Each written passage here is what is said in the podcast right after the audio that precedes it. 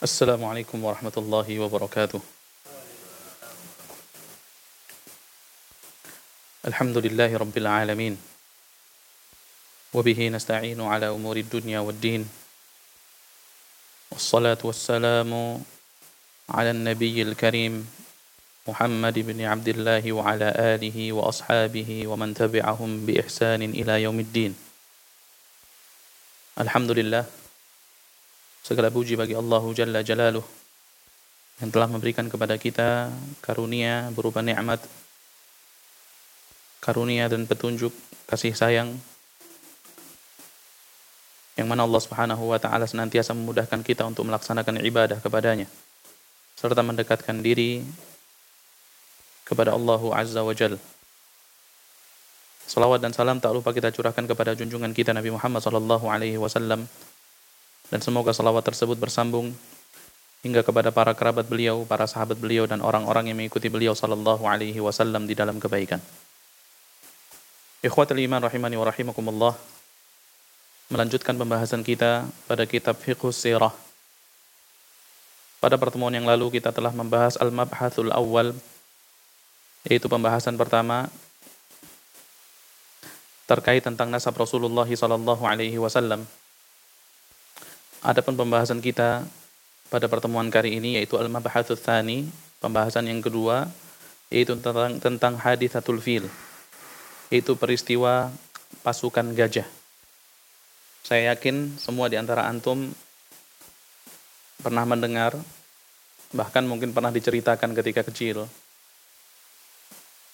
Ya tentang peristiwa pasukan gajah ini yang terjadi pada zaman Abdul Muttalib yaitu kakek Rasulullah sallallahu alaihi wasallam yang kita tahu bahwasanya Abdul Muttalib itu nama aslinya siapa?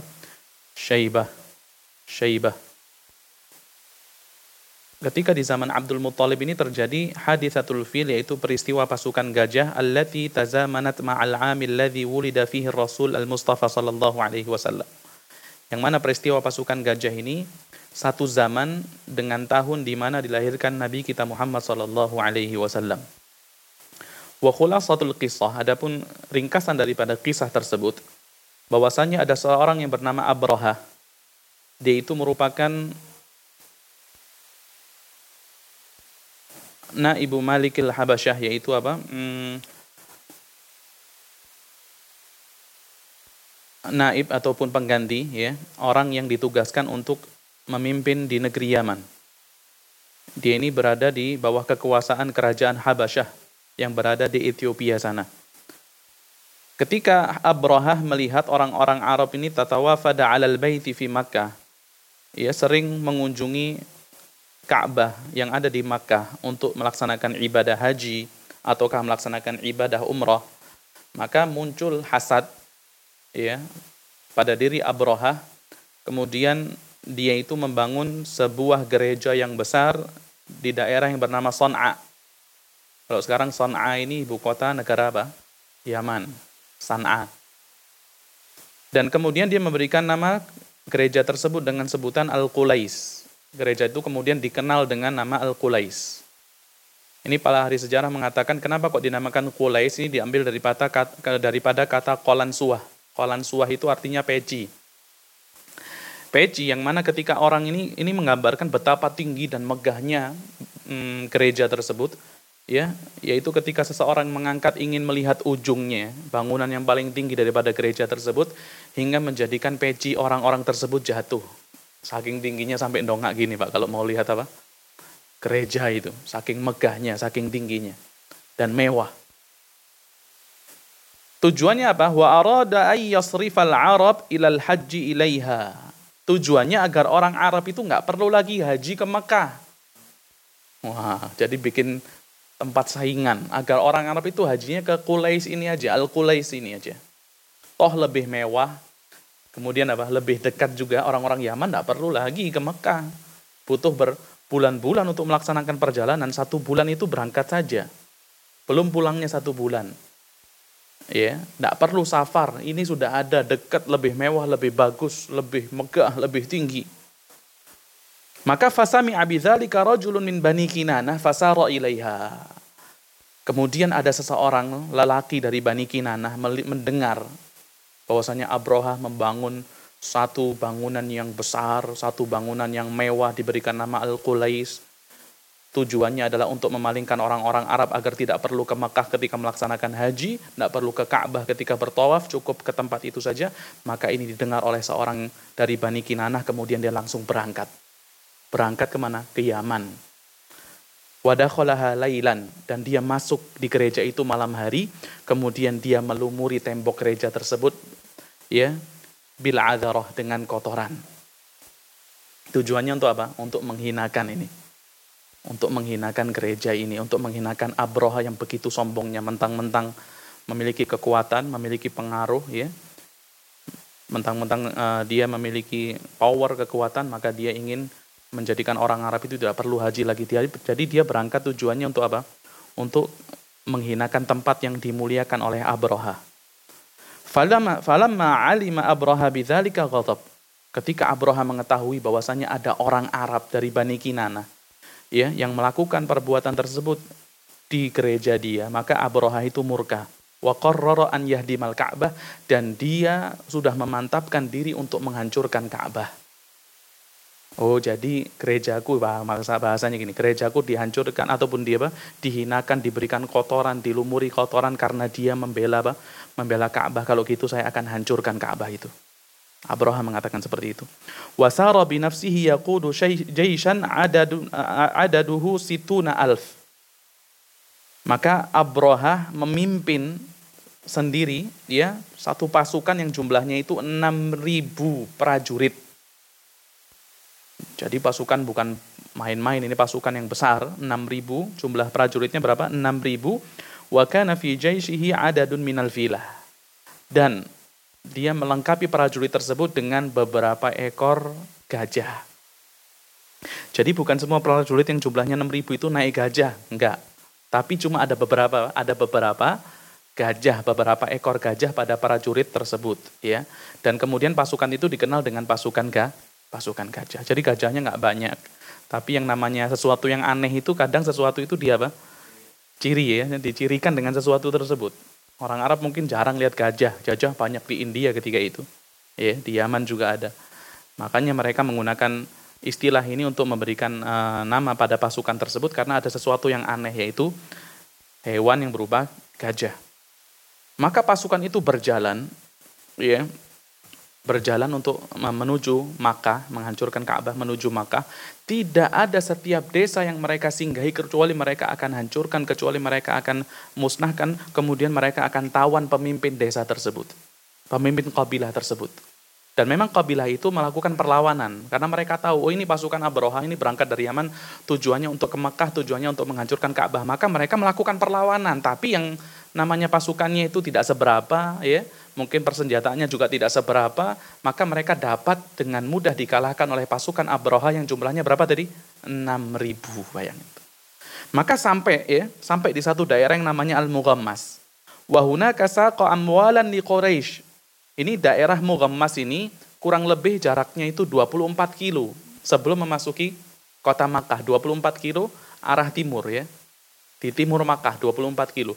Maka Abroha dan pasukannya itu sampai di daerah yang bernama Al-Mughammas, maka dia menjarah harta milik orang Quraisy. Termasuk harta yang dijarah oleh Abroha dan pasukannya adalah 200 ekor onta milik Abdul Muthalib. Jadi Abdul Muthalib itu punya harta di luar kota Makkah, di daerah apa tadi? Al-Mughammas. Apa harta yang dimiliki oleh Abdul Muthalib? 200 ekor onta. Maka ketika Abdul Muthalib mengetahui kalau 200 ekor ontanya itu dijarah oleh Abraha, maka kemudian dia segera mendatangi Abraha. Jadi dia melaksanakan perjalanan 24 kilo keluar dari Makkah untuk ke satu daerah yang bernama Al-Muqammas tadi. Falamma ra'ahu Abraha ajallahu akramahu. Ketika Abraha melihat Abdul Muthalib, ya, begitu berwibawanya kakek Rasulullah SAW, Alaihi Wasallam, yang mana ketika itu dia adalah pemimpin daripada orang-orang yang di kota Makkah. Maka ketika Abraham melihat Abdul Muthalib, maka dia itu memuliakan dan mengagungkan Abdul Muthalib. Sampai ada beberapa kisah itu Abraham sampai turun dari singgasananya untuk duduk di bawah bersama Abdul Muthalib. Karena tahu ini orang ini orang besar. Maka ketika itu Abraha bertanya kepada Abdul Muthalib, "Ma hajatuka? Apa hajatmu datang ke sini? Kamu jauh-jauh nih perjalanan 24 kilo. Datang ke tempat ini. Tujuanmu apa?" Seakan-akan dia mengatakan ini pasti pengen apa? Melas-melas pengen mohon supaya aku tidak jadi menghancurkan Ka'bah. Di hatinya Abraha seperti itu. Tujuanmu apa? Hajatmu apa datang ke sini? Maka Abdul Muthalib mengatakan hajati an yaruddal malik alayya mi'atai ba'irin allati akhadhaha. Tujuanku datang ke sini tidak lain tidak bukan untuk meminta sang raja mengembalikan 200 ekor onta punyaku, milikku yang diambil olehnya. Maka Abroha mengatakan, tadi ketika pertama kali aku melihat engkau datang, aku begitu takjub denganmu. Iya, Aku begitu takjub kepadamu sampai aku turun dari singgah sana untuk berbicara di bawah bersamamu. Tapi ketika kamu ngomong itu hilang semua perasaanku, takjubku tadi nggak ada. Masa sih kamu datang jauh-jauh ke tempat ini tujuannya cuma membahas apa? 200 ekor onta. Yang mana kamu tahu kalau aku datang ke sini tujuanku apa? Untuk menghancurkan Ka'bah yang mana Ka'bah itu adalah bagian daripada agamamu, bagian daripada agama leluhurmu. Masa sih kamu ngomong perkara receh 200 ekor onta? Ini ada perkara besar yang akan aku lakukan apa? Menghancurkan Ka'bah. Maka apa yang diucapkan oleh seorang Abdul Muthalib? Dia mengatakan, Ana Rabbul Bait. Kenapa kok aku ngomong masalah onta? Karena aku pemilik onta. Onta itu milikku. Wajar dong kalau aku datang, aku minta apa? Harta, hartaku. Adapun Ka'bah, Ka'bah itu ada pemiliknya dan pasti pemiliknya yang akan menjaga Ka'bah. Maka Abraham mengatakan, maka naliyam tani aminni. Udah nggak ada yang bisa menghalangiku untuk menghancurkan Ka'bah. Maka Abdul, Abdul, Abdul, Abdul Muthalib mengatakan, anta wazak, ya udah terserah kamu. Yang penting aku sudah kasih tahu. Sekarang balikin deh, 200 ekor onta milikku. Maka setelah selesai urusannya dengan Abraha, Abdul Muthalib kembali ke Makkah kemudian mengajak kaumnya untuk naik ke atas bukit. Tujuannya apa? Melihat apa yang akan Allah Subhanahu wa taala perlakukan ya kepada tentara Abroha. Maka kemudian Abroha mulai mempersiapkan itu tentaranya ya. Sudah dipersiapkan, udah mau masuk ini. Tinggal berapa kilo tadi? 24 kilo. Sudah mau masuk kota Makkah, tinggal 24 kilo. Maka kemudian, falamma wajahul fil, ketika mereka itu menghadapkan gajah mereka ke arah Makkah, Tiba-tiba gajah itu duduk, Pak. Gajah itu duduk tidak mau berdiri. Mereka sudah ya upayakan gimana agar gajah itu mau berdiri, mau berjalan untuk menuju ke Makkah, tapi gajah itu tetap duduk, sudah dipukulin. Ya, sudah dipukulin supaya gajah itu berdiri, nggak mau berdiri. Tapi begitu gajah itu dikembalikan ataupun arahnya itu dirubah dari Makkah itu dirubah menuju ke arah Yaman atau ke arah selain Makkah, maka gajah itu segera berdiri kemudian berlari. Gajah aja paham tuh. Gajah segera berdiri kemudian apa? Berlari. Dan nama di antara gajah gajah yang ada itu salah satu di antara nama yang disebutkan di kitab sejarah itu ada yang namanya Mahmud. ada di sini orang namanya Mahmud. Ini yang yang yang duduk ini namanya Mahmud. ini Ismuhu Mahmudan, namanya Mahmud. Dia diadapin ke Mekah nggak mau ber, gak mau berdiri, duduk terus dipukul juga nggak mau berdiri. Begitu arahnya dirubah, dia berdiri dan berlari.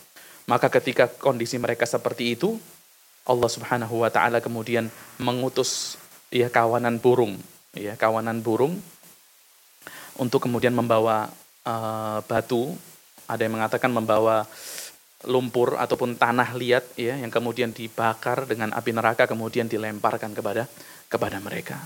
Yang kita kenal dengan istilah burung apa? Burung ababil. Ababil itu maksudnya burung yang datang bergerombol-gerombol, ya tidak satu kali datang, ada beberapa kloter gitu, ada beberapa peleton gitulah burungnya itu. Sampai di dalam kitab sejarah itu dikatakan burung itu melemparkan batu tersebut sehingga sebagian di antara mereka binasa karena apa? Karena panas yang diberikan batu. Sebagian di antara mereka itu kalau kulitnya kena batu itu apa? Sampai gatal-gatal ketika digaruk ya daging mereka itu akan berguguran subhanallah. Tapi kemudian tidak semuanya meninggal ketika itu. Tidak semuanya meninggal. Bahkan Abroha itu dikatakan meninggalnya itu di ketika sudah sampai Yaman baru dia meninggal. Ya, sampai dikatakan oleh Aisyah ada ada pawang gajahnya itu yang itu ketika itu dia masih hidup. Yang apa? Yang ketika itu masih hidup kemudian Aisyah itu sempat lihat pawang gajah tersebut. Usianya sudah tua, ya tapi gitu hidup dalam kondisi yang mengenaskan. Hidup dalam kondisi apa? yang mengenaskan. Peristiwa pasukan gajah ini dan Allah Subhanahu wa taala bagaimana menjaga ya rumahnya yaitu Makkah eh, yaitu Ka'bah al-Musyarrafah ini terjadi pada bulan Muharram. Pada bulan Muharram yang bertepatan dengan bulan April ataupun awal bulan Maret tahun 571 Masehi. Ya. Ini kira-kira sekitar dua bulan atau satu bulan setengah lah sebelum lahirnya Rasulullah Shallallahu Alaihi wasallam. Jadi Rasulullah lahirnya pada bulan apa? Rabiul Awal. Ini terjadi pada bulan Muharram. Oke. Okay. Ada beberapa pelajaran atau beberapa, poin yang dapat kita ambil dari sini. Yaitu peristiwa pasukan gajah ini. Ini termasuk di antara cara Allah Subhanahu wa taala menunjukkan kepada orang-orang Arab ya, bagaimana Allah Subhanahu wa taala memuliakan kabilah Quraisy bagaimana Allah memuliakan kabilah Quraisy daripada kabilah-kabilah yang lainnya. Maka dikatakan fahiyal fahiyal qabilah allati humiyat. Quraisy ini adalah kabilah yang Allah Subhanahu wa taala jaga. Bahkan dikatakan wa arduha hiyal ardul lati hurisat. Tanahnya, daerahnya itu adalah daerah yang Allah Subhanahu wa taala jaga. Di saat beberapa kabilah itu dengan mudah dikalahkan oleh Abraha, Allah Subhanahu wa taala sendiri yang membantu apa? Membantu Quraisy. Jadi kalau ibaratnya Quraisy ini ya menjadi patokan orang-orang Arab kabilah-kabilah terdahulu. Makanya ketika Rasulullah Shallallahu Alaihi Wasallam berperang dengan sengit dia bersama melawan orang-orang Quraisy, beberapa peperangan perang Badar, ada yang perang Uhud, kemudian perang Khandaq ini dipimpin oleh Abu Sufyan ketika menggerakkan beberapa kabilah. Ini ketika mereka orang-orang Arab ini melihat Rasulullah berperang dengan kabilahnya sendiri yaitu kabilah apa? Quraisy, maka mereka menunggu, Pak mereka itu tidak mau masuk ke dalam agama Islam sebelum Rasulullah menang. Kenapa? Karena khawatir kalau Rasulullah kalah, mereka kemudian masuk ke dalam agama Islam, kemudian Rasulullah kalah, maka mereka akan merusak hubungan dengan orang-orang Quraisy. Jadi kalau bisa kita katakan apa? Kabilah-kabilah yang lain itu main main aman lah. kalau Nabi Muhammad menang, mereka masuk Islam. Tapi kalau Nabi Muhammad kalah, toh mereka tidak merusak hubungan baik yang selama ini mereka jaga dengan orang-orang Quraisy dan itu benar. Ketika Rasulullah Shallallahu Alaihi Wasallam membebaskan kota Makkah, Fathu Makkah itu terjadi pada tahun 8 Hijriah. Ya. Ketika orang-orang Quraisy itu sudah masuk ke dalam agama Islam, maka itu diikuti oleh apa? Kabilah-kabilah yang lainnya. Kabilah-kabilah yang lainnya mengikuti. Makanya Allah katakan waraitan nasa yadkhuluna fi dinillahi afwaja. Kau melihat wahai Muhammad manusia itu masuk ke dalam agama Islam itu secara berbondong-bondong. Salah satu di antara alasannya apa? Mereka melihat bahwasanya Quraisy masuk ke dalam agama is Islam. Jadi kalau diibaratkan Quraisy itu kepalanya, Pak. Kepalanya. Adapun kabilah-kabilah yang lain itu adalah anggota tubuh yang lainnya. Yang paling penting apa? Kepala. Kalau orang hidup nggak punya tangan masih bisa, hidup nggak pakai kaki masih bisa. Ada nggak orang hidup nggak pakai kepala? Nggak ada. Jadi ini orang Arab terdahulu apa? Mereka itu melihat Quraisy dan yang dijadikan patokan itu apa? Quraisy. Kita melihat di sini bagaimana Allah Subhanahu wa taala memberikan nikmat yang sangat besar kepada Quraisy secara khusus. Ya, terbukti apa? Terbukti ketika pasukan ataupun kabilah-kabilah yang lain itu dengan mudah dikalahkan, Allah Subhanahu wa taala dikatakan berperang untuk Quraisy. Jadi orang Arab terdahulu memiliki istilah apa? Orang Quraisy ini adalah ahlullah, kerabatnya Allah orangnya Allah lah gitu. Pasti Allah akan jaga. Ada yang mengatakan qatalallahu anhum, Allah berperang untuk mereka. Ini peristiwa ini, kasusnya ini. Makanya Allah Subhanahu wa taala katakan awalam yarau anna ja'alna haraman aminan wa yatakhattafun nasu min haulihim. Bukankah mereka melihat bahwasanya kami jadikan negeri haram ini Makkah ini adalah sebuah negeri yang aman padahal ketika itu manusia di sekitar Makkah itu hidup ya dalam ketakutan, saling membunuh sesama mereka. Tapi Allah jadikan negeri Mekah itu negeri yang aman. Makanya termasuk di antara ucapan Rasulullah Shallallahu Alaihi Wasallam, ya, ketika mengatakan orang yang diberikan nikmat yang besar itu adalah orang yang mendapatkan tiga perkara ini, yaitu man kana aminan fi sirbih, orang yang aman di uh, di rumahnya, di tempat pembaringannya, di tempat tidurnya itu dia merasa aman. Indahu qutu yaumi memiliki makanan yang ia makan pada hari tersebut. Kemudian mu'afan fi jasadi, jasadnya sehat, fakaan nama hizat lahu dunia. Maka orang seperti ini adalah orang yang seakan-akan Allah berikan seluruh nikmat dunia. Jadi aman ini adalah nikmat yang sangat apa? Luar biasa. Nikmat yang sangat luar biasa. Makanya Allah katakan apa? Falyabudu rabb hadzal bait. Disuruh menyembah Tuhan al-bait yaitu Tuhan apa? Ka'bah. Siapa? Allah Subhanahu wa taala. Kemudian Allah ingatkan, kenapa mereka disuruh menyembah Allah? Alladzi at'amahum min ju'. Karena Allah yang menjadikan mereka itu apa? Memberikan makan ketika mereka lapar. Wa amanahum min khauf. Dan Allah telah memberikan rasa aman daripada ketakutan. Jadi nikmat yang Allah berikan kepada orang Quraisy itu adalah nikmat yang sangat besar yang tidak Allah berikan kepada seluruh kabilah yang lainnya. Ya. Kemudian Pelajaran yang kedua yang dapat kita ambil bagaimana kita menyaksikan pengorbanan seseorang pemuda tadi yang dari Bani Kinanah tadi melaksanakan perjalanan yang begitu jauh tujuannya untuk menghinakan siapa yang mau menghinakan agama Allah. Betul nggak? Menghinakan siapa yang mau menghinakan tempat syiar yaitu Ka'bah. Dia uh, dia apa berkorban ya dengan harta dengan dirinya kemudian dia menyusup di malam hari kemudian dia apa lumuri tembok-temboknya itu dengan kotoran ini adalah apa? Adalah perjuangan seseorang yang e, ingin mempertahankan akidah dia, ideologi dia. Jadi kalau orang sesuai dengan fitrahnya, kalau ideologi dia diganggu sama orang, dia nggak akan terima. Maka kita lihat seorang ini bagaimana dia berkorban ya min ajli apa dengan tujuan untuk apa? Untuk menghinakan siapa yang mau menghinakan e, keyakinan dia, maka ini hendaknya menjadi pelajaran kita selaku kaum muslimin. Ya. Apa pun harus kita lakukan lah dalam artian apa pun yang kita mampu kita lakukan untuk membela agamanya Allah Subhanahu wa taala, untuk membela keyakinan kita. Ada orang yang mampu lewat tulisan, ya lewat tulisan. Ada orang yang mampu lewat uh, harta dia, ya dia gunakan harta dia untuk apa? Membela agama Allah Subhanahu wa taala. Ada orang yang mampu uh, dengan berbicara di podium mungkin dia, maka dia gunakan kemampuan yang Allah Subhanahu wa taala berikan untuk membela agama Allah Subhanahu wa taala. Dan ini peristiwa eh, mengabarkan kepada kita bahwasanya keadaan orang-orang Arab ya sebelum diutusnya Rasulullah Shallallahu alaihi wasallam ya bahwasanya keadaan mereka itu dalam kondisi terpecah, Pak. Jadi orang Arab itu tidak dihimpun pada satu kekuatan. Jadi orang Arab itu terpecah-pecah. Ada di antara mereka yang tunduk pada ke ke kekaisaran Persia yang ada di Irak ketika itu. Di mana? Di Irak. Ada di antara orang Arab yang tunduk pada kekaisaran Roh, Romawi. Ada di antara kabilah Arab yang tunduk pada kekaisaran ataupun kerajaan yang ada di Yaman. Jadi mereka itu terpecah ya, mereka itu tidak bersatu. Barulah setelah Rasulullah Shallallahu Alaihi Wasallam diutus, mereka itu apa? Mereka itu bersatu di bawah panji Islam. Dan itu yang menjadikan apa? Mereka mendapatkan kekuatan yang sangat besar. Jadi persatuan itu penting, ya. Bahkan Rasulullah Shallallahu Alaihi Wasallam itu juga apa? Mempersatukan di antara e, kaum ataupun suku yang terbesar ketika itu yaitu suku Aus dan Khazraj. Yang ketika itu mereka berperang kurang lebih 70 tahun. Ya, jadi menyatukan hati kaum muslimin ini sangat penting karena di situ adalah letak kekuatan kita. Makanya Allah Subhanahu wa taala mengatakan, ya, uh, engkau wahai Muhammad tidak akan dapat menyatukan hati mereka akan tetapi Allah Subhanahu wa taala yang menyatukan hati hati hati manusia. Jadi nikmat uh, persatuan ini adalah nikmat yang sangat besar dan itu adalah uh, letak kekuatan yang akan dimiliki oleh orang-orang yang bersatu di bawah panji is di bawah panji Islam. Kalau sebelumnya orang Arab itu tidak ditakuti sama sekali. Orang Arab itu tidak diperhitungkan, ya. Tidak ada yang kemudian apa?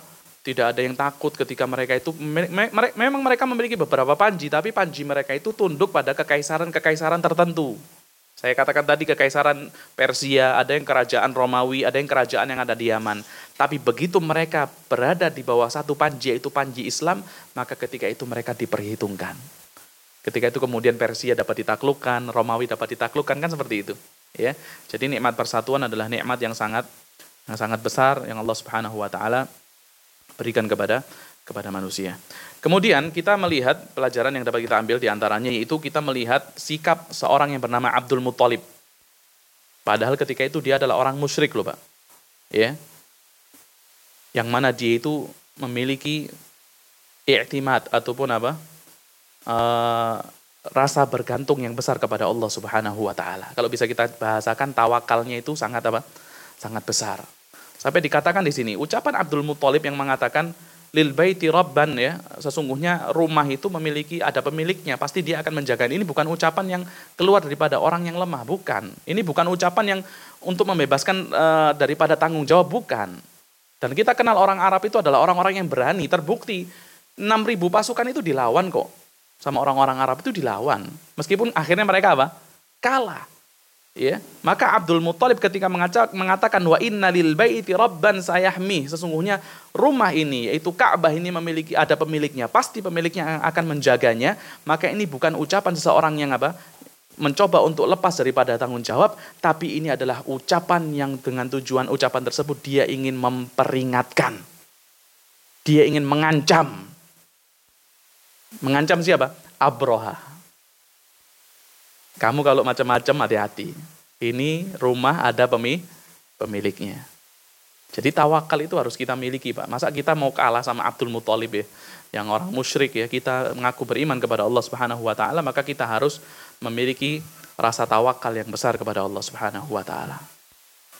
Contohnya sekarang banyak orang yang untuk jaga rumahnya saja nih, untuk jaga rumahnya saja. Dia nggak cukup pekerjakan seseorang yang jadi satpamnya untuk jaga rumah. Tapi apa? Ditambah apa? Apa? CCTV. Anjing tuh. Orang Islam sekarang rumahnya itu ah, banyak yang punya anjing untuk jaga rumahnya. Padahal ini dilarang sama agama, betul enggak? Rasulullah Shallallahu Alaihi Wasallam mengatakan, barang siapa yang memiliki anjing, ya, dengan tujuan selain untuk apa? Anjing yang digunakan untuk menjaga ternak atau anjing yang digunakan untuk berburu, ya, maka yang kusu akan dikurangi, ya berkurang daripada amalannya itu satu hari dua kirot pak. Tuh, karena tawakalnya tidak ada, sudah ada satpam security, pakai CCTV masih ditaruh anjing saja, itu bayangin amalannya itu berkurang bukan sedikit pak, dua kirot pak. Yang belum tentu orang itu satu hari beramal dua kirot, betul enggak?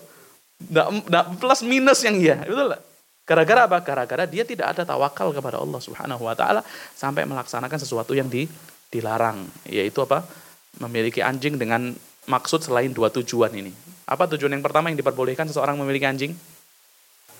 Untuk menjaga hewan ternak, kemudian yang kedua untuk ber, berburu. Selain daripada dua ini, maka siapa yang memiliki anjing di antara kaum muslimin, ya amalannya itu akan dikurangi dua kirot. Satu kirotnya berapa? Sebesar gunung Uhud. Dan itu dapat dimiliki eh, orang dapat pahala keutamaan dua kirot kapan? Ketika ketika takziah dan sholat dan menghantarkan, menguburkan. Itu dapat memiliki dua kirot sampai Ibnu Umar, ya kalau nggak salah Ibnu Umar, itu dia itu setiap selesai takziah, setelah dia mensolatkan jenazah, dia itu pulang. Dia itu pulang. Maka kemudian Sampai ada Abu Hurairah datang kepada dia mengatakan, kok kamu pulang, kok nggak kamu menghantarkan jenazah ke ke kuburan. Padahal Aisyah itu mengatakan apa? Atau aku mendengar hadis yang mengatakan bahwasanya siapa yang mengurusi jenazah kaum muslimin sampai mensolatkannya sampai kemudian menghantarkannya ke kuburannya maka dia mendapatkan dua kirot. Maka Ibnu Umar ketika itu kemudian pengen cross check benar nggak ini ada hadis seperti itu. Maka dia suruh pembantunya untuk ke rumah Abu Hurairah kalau nggak salah untuk menanyakan apa benar itu ucapan keluar daripada lisan Rasulullah SAW ternyata dikatakan benar. Maka Ibnu Umar mengatakan apa? Laqad farratna fi qarari katsira. Waduh kalau gitu kita sudah kehilangan beberapa banyak kirot, beratus-ratus kirot. Karena apa selama ini saya cuma apa? Menyolatkan saja tidak pernah ma itu sahabat merasa rugi kalau amalannya itu apa? Tidak tidak maksimal, bukan dikurangi loh ya. Tidak maksimal dapat cuma satu kirot. Kalau kita kan alhamdulillah deh satu kirot daripada nggak sama sekali kan gitu. Kita puas dengan sesuatu yang sedikit kita itu seperti itu.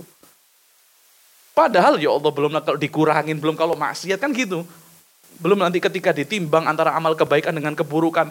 Ya faman sakulat mawazinuhu faulaika apa? Faman sakulat mawazinuhu fa ummuhu hawiyah. Faman khafat kalau timbangan amalannya itu rendah, amal kebaikannya itu lebih ringan, fa ummuhu hawiyah tempatnya neraka jahanam.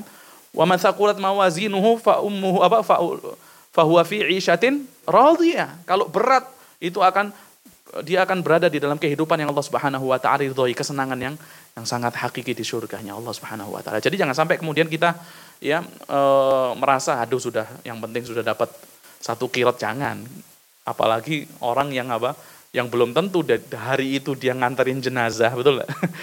kemudian menguburkan, mensolat, e, mensolatkan, mengurusin sampai menguburkan jenazah, kok kemudian dia memiliki anjing di rumahnya yang selain untuk dua kegunaan tersebut, ya maka sangat sangat rugi. Jadi seseorang itu harus memiliki sifat tawakal kepada Allah Subhanahu wa taala. Kalau dia mau e, menjaga dirinya dengan sesuatu yang diperbolehkan saja. Ya, jangan sampai melaksanakan apa yang Allah Subhanahu wa taala larang ya. Jadi ini ada ada beberapa poin yang harus kita perhatikan di antaranya itu tadi ya. Ini uh, peristiwa yang dapat uh, pelajaran yang dapat kita ambil daripada peristiwa pasukan pasukan gajah yang terjadi pada tahun berapa tadi? Pada tahun 571 Masehi. Dan banyak yang kemudian mencoba untuk menentang nih. Menentang, oh enggak itu cuma dongeng saja itu. Yang apa? Enggak ada kejadiannya, ini kisah apa? Kalau kalau, kalau jadian kisah yang kisah yang enggak kejadian, kisah apa? Fiktif ya? Ini fiktif saja, cuma kisah-kisah dongeng saja. Ada yang mengatakan seperti itu. Padahal ini kisah ini benar-benar terjadi. Terbukti apa? syair-syair orang Arab itu dari zaman dulu itu ya sampai ditulis sampai sekarang ini menandakan bahwasanya dulu ada peristiwa pasukan gajah itu disebutkan di dalam syair-syair mereka. Termasuk juga di antara bukti yang tidak dapat mereka apa? Mereka bantah apa? Di antara bukti yang tidak dapat surat. Ya kalau yang percaya surat, kalau nggak percaya gimana?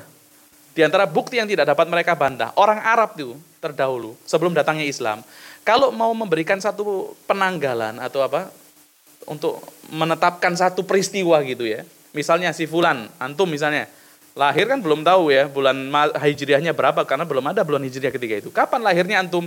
Saya lahirnya itu kalau nggak salah dua tahun setelah peristiwa pasukan gajah. Orang dulu ngomong gitu. Jadi dijadikan apa? Penang, penanggalan pada peristiwa-peristiwa penting. Peristiwa-peristiwa penting itu dijadikan penang, penanggalan. Oh si Fulan dari mana kau, kau, kau tahu si Fulan itu lebih tahu daripada lebih tua daripada si Fulan? Oh iya, si Fulan ini lahirnya dua tahun sebelum pasuk, peristiwa pasukan ga, gajah. Kalau si Fulan lahirnya satu tahun setelah peristiwa pasukan gajah. Jadi ini dikenal orang-orang terdahulu. Orang-orang terdahulu mengatakan ya menjadikan ini sebagai apa? Sebagai penanggalan-penanggalan me, mereka. Jadi dapat dipastikan kisah ini bukan kisah apa? Dongeng bualan beraka, tapi ini adalah kisah yang yang benar. Belum lagi kemudian ayatnya tadi sampai ada satu surat yang bernama surat apa? Al-Fil ya. Surah Al-Al-Fil ya. Mungkin sampai di sini yang dapat kita sampaikan pada pertemuan kali ini yaitu hadis satu fil peristiwa pasukan gajah. Insya Allah pada pertemuan selanjutnya kita akan sampaikan uh, kisah ya, ha, lahirnya Rasulullah Wasallam. Ya, mungkin ada yang mau ditanyakan, Tafadhol silakan. Tafadhol.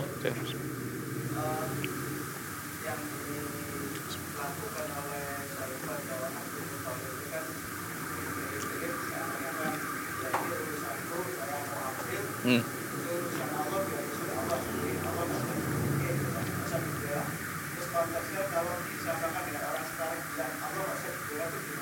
Ah betul, ya. Yeah. Ini banyak ya kejadian ya orang kemudian mengatakan udah Islam itu tak perlu dibela. Rasul itu mau dicaci kayak gimana udah jangan nggak perlu dibela ya gitu ya. Rasul itu akan mulia gitu ya. Maka uh, kalau kita kaitkan dengan peristiwa yang dilakukan oleh Abdul Muthalib ini, ya, bahwasanya ini ucapan yang tadi itu Islam nggak perlu dibela, Allah itu tidak perlu, Allah itu Allahu Akbar, Allah itu Maha Besar, Allah itu tidak tidak perlu dibela. Maka ini ucapan yang apa? Yang kita katakan ucapan yang tujuannya untuk apa? Untuk ngembosin seseorang daripada perjuangan untuk membela agamanya, ya. Jadi kita diperintahkan juga untuk apa? Membela Allah Subhanahu wa taala. Tapi kalau kita lihat di, di antara tafsirannya intan surullah yang surkum, kalau kamu bela Allah, maka Allah akan membantu kamu, Allah akan menolong kamu. Maka yang dimaksud menolong Allah di sini apa? Yaitu dengan cara menjaga batasan-batasan Allah. Ini penting. Jangan sampai kita pengen menolong Allah, menolong Rasulullah, tapi kita malah melabrak ataupun melanggar batasan-batasan Allah. Contohnya, Aisyah itu pernah mau menolong Rasulullah. Kapan itu? Ketika Rasulullah dihina sama orang Yahudi. Betul tak? Ketika Yahudi mengatakan Assalamualaikum. pengen memplesetkan assalamualaikum diganti apa assalamualaikum assam itu maknanya kecelakaan kematian ke atasmu Muhammad maka Rasulullah mengatakan wa alaika ya untukmu juga maka Aisyah yang mendengar Rasulullah itu didoakan binasa, didoakan kematian oleh orang Yahudi, maka Aisyah itu mengatakan wa alaikasamu wa la'nah. Ya buat kamu kelaknat, buatlah semoga kamu yang mati dicela sama Aisyah. Rasulullah ketika melihat Aisyah itu mencela orang Yahudi yang mencela Rasulullah, apa yang diucapkan Rasulullah? Hasbuki ya Aisyah, cukup wahai Aisyah. Maka Aisyah mengatakan, ya Rasulullah tadi kamu nggak mendengar apa yang diucapkan dia. Aku mendengar, tapi aku itu diutus bukan untuk mencela, aku diutus itu bukan untuk melaknat gitu loh. Jadi Rasulullah kalau ada yang salah, meskipun tujuannya itu adalah tujuan yang mulia untuk membela dia, ya kalau itu salah memang dibenar disalahkan oleh Rasulullah Shallallahu Alaihi Wasallam. Makanya orang zaman sekarang kadang untuk membela Rasulullah ya banyak.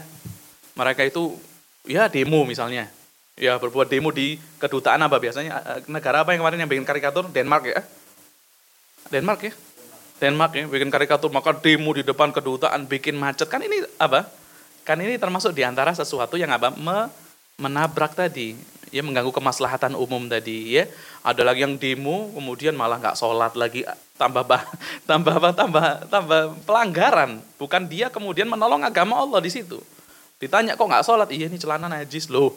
kok najis celana nggak so nggak sholat malah demo katanya cinta sama Rasul tambah dia tidak melaksanakan perintah Allah Subhanahu Wa Taala. Jadi menolong agama Allah itu penting perlu tapi kita harus perhatikan jangan sampai kemudian tujuannya menolong agama Allah malah melanggar ya batasan-batasan Allah Subhanahu wa taala. Jadi ucapan yang tadi itu yang mengatakan itu biasanya keluar daripada lisannya orang-orang yang memang pengen gembosin supaya orang tidak ada yang berjuang untuk Islam.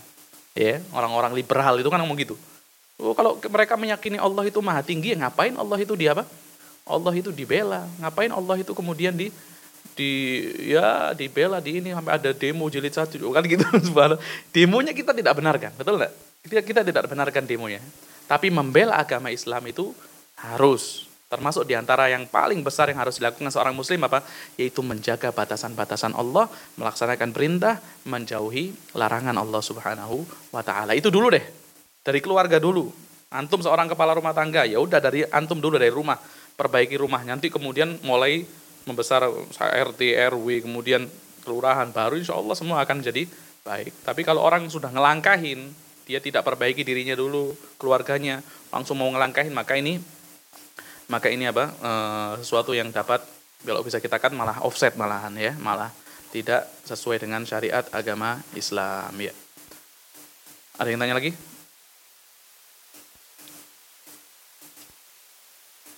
Mm -hmm.